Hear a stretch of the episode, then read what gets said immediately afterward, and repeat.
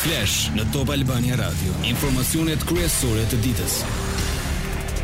Po ndiqni përmbledhjen e orës 16 unë jam Anibame. Partia Socialiste dhe opozita gjejnë dakordësi te ligjet, miratohet projektligji për rritjen e pagave, pritet të realizohet në dy faza dhe niveli i rritjes varion nga 20 deri në 40% në fund të 2024-s.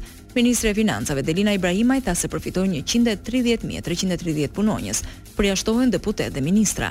Debat në Komisionin e Ligjeve pati edhe për pensionet, ku opozita u shpreh e shqetësuar për dështimin e sistemit, por Ibrahimaj paralajmëroi se shumë shpejt do të ketë edhe një reformë në sistemin e pensioneve. Prokuroria e Përgjithshme bëri një përmbledhje rreth fushatës zgjedhore dhe zgjedhjeve të zhvilluara më katërmbëdhjetë maj. Me anë të një njoftimi zyrtar është bërë me dije se janë paraqitur nëntë kallëzime nga subjekte politike dhe institucione, ndërsa në total janë regjistruar tridhjetë e një kallëzime penale. Janë arrestuar në flagrancë gjashtë persona, prej të cilëve dy në Sarandë, dy në Tiranë dhe dy në Vlorë. Fredi Beleri do dalë të hënën para gjykatës së posaçme. Dosja e tij, i cili është në burg për blerje votash, i ka kaluar SPAK dhe më 22 maj në orën 13 do mbahet seanca e parë në GJKKO. Gjyqtarja e çështjes është Atalanta Zeqiri. Në burg është lënë dhe Pandeli Kokaveshi si bashkëpunëtor. Fredi Beleri kandidat i Bashkë Fitojmë fitoi nga burgu mandatin si kryebashkiak i Himarës duke mundur socialistin Jorgo Goro. Gazmend Bardhi ka marrë kontrollin e grupit parlamentar demokrat pas largimit të Enkelejd Alibeajt nga ky post. Për drejtimin e grupit ai mori votën e tetëmbëdhjetë deputetëve të Partisë Demokratike, përfshirë dhe atë të ish-kryetarit Lulzim Basha i cili u bë i gjallë për ta mbështetur ish-bashkëpunëtorin e tij. Lajmi nuk u mirëprit nga Sali Berisha. Jo, ne nuk mund të njohim asnjë lloj Asnjë lloj strukture paralele të Partisë Demokratike, ne i ftojmë të gjithë deputetët të ulen, të diskutojmë, por fakte të kryera nga askush nuk njohim ne. Sepse nuk njohim, ka ka rregulla, ka statute, ka Berisha ka vendosur të thërrasë në ndihmë statutin e rithemelimit për të ruajtur karrigen e kryetarit në grupin që ai kontrollon, ndonëse humbi zgjedhjet. Me statut kryetari që humbet zgjedhjet lokale kalon në votëbesim dhe e njëjta gjë do ndodhë si me zgjedhje të vjedhura ashtu dhe me zgjedhje të lira. E ndërsa Berisha pret të votëbesohet nga besnikët e tij në PD-në zyrtare, vijon të mbetet vakant posti i kryetarit. Statuti ia jep këtë të drejtë Jorida Tabakut, por ajo ende nuk ka vendosur.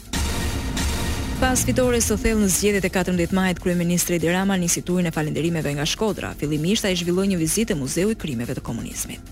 Besoj që ka shumë mundësi që të bëhet akoma më mirë, sidomos kjo pjesa e hyrjes mund të ketë më shumë këto figurat e personave të persekutuar, familjeve,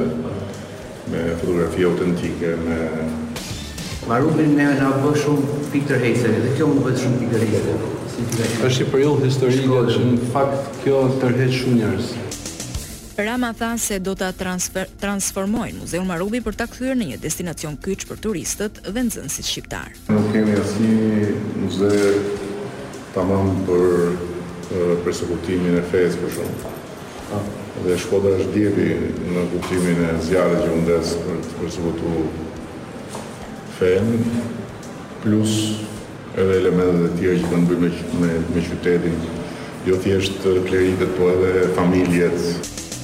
Rama shoqërohej nga Benet Beci dhe Lisa Spiropali. Prokuroria e Posaçme ka mbyllur hetimet për ish-kryetarin e Gjykatës Kushtetuese Bashkim Dedja dhe i kërkon GJKKO-së dënimin me një vit burg ose konvertimin me dy vite shërbim prove. SPAK kërkon që Bashkim Dedja të shpallet fajtor për veprat penale të mosdeklarimit të pasurisë dhe deklarimi i rremë. Dedja bëhet i pari ish-gjyqtar që është shkarkuar nga procesi i vettingut për të cilin SPAK kërkon dënimin, ndërsa të tjerë ish-gjyqtarë dhe ish-prokurorë të shkarkuar nga vetingu janë ende nën hetim. Kryeministri Rama reagoi në lidhje me artikullin që është publikuar së fundmi për Shqipërinë në median britanike The Guardian. Me anë të një postimi në Facebook, Rama shkruan se vendi ynë dhe bukuritë e tij kanë lënë mbresa të forta shkrimtarit Jacob Mikanowski. Ndër të tjera në postim thuhet se ai erdhi me mëdyshje, por u largua mirënjohës për mikpritjen, për mikpritjen që i është bërë. Lajme nga rajoni. Kryetari i ri i Mitrovicës së Veriut, Erden Atiç, bëri betimin para Kuvendit Komunal, procedurë kjo solemne për të marrë detyrën si kryetar. Në këtë seancë, Atiç emëroi dhe nënkryetarin e komunës që është Katarina Axhançiç nga radhët e komunitetit serb.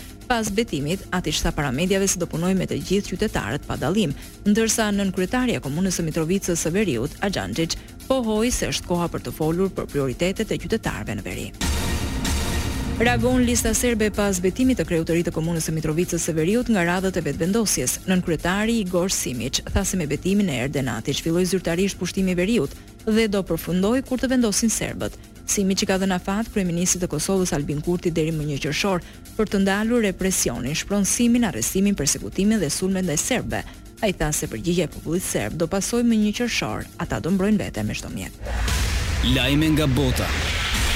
Në Ukrainë vijojnë bombardimet, gjatë orëve të para të mëngjesit pati shpërthim në Kiev dhe në qytete të tjera. Presidenti ukrainas Volodymyr Zelensky mblodhi kabinetin ushtarak për të bërë gati kundërsulmin. Jemi duke u përgatitur, tha ai pa dhënë detaje të tjera.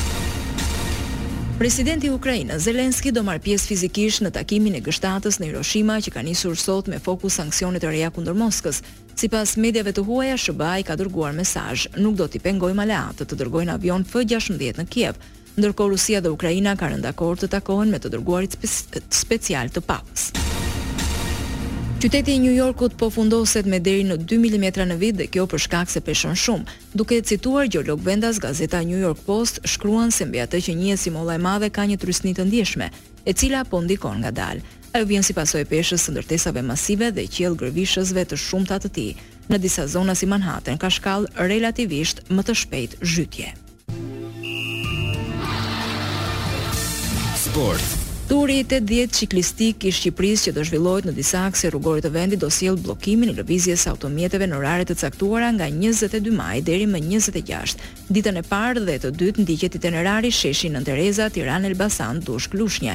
Më pas, turi çiklistik vijon me Fierin Vlorën, Tepelenën dhe Përmetin. Policia e Shtetit njoftoi se ka marrë masa për bllokimin dhe devijimin e lëvizjeve të automjeteve në akset ku do zhvillohet aktiviteti. E konfirmojnë në Gjermani Granit Xhaka do jetë pjesë e Bayern Leverkusen sezonin e ardhshëm. Media prestigjioze gjermane Sport Bild shpjegon se tani mungon vetëm firma për të zyrtarizuar këtë lëvizje të Xhakës.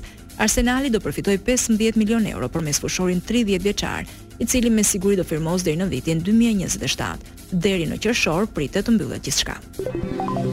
Parashikimi i motit. Edhe në vazhdim të ditës vendi ynë mbetet në ndikimin e kushteve të qëndrueshme atmosferike, duke bërë që moti të jetë i kthjellët me vranësira kalimtare. Temperaturat variojnë nga shtatë në njëzet e shtatë gradë Celsius. Këtu kemi përfunduar edicioni i radhës është në orën shtatëmbëdhjetë. Kjo është Top Albania Radio.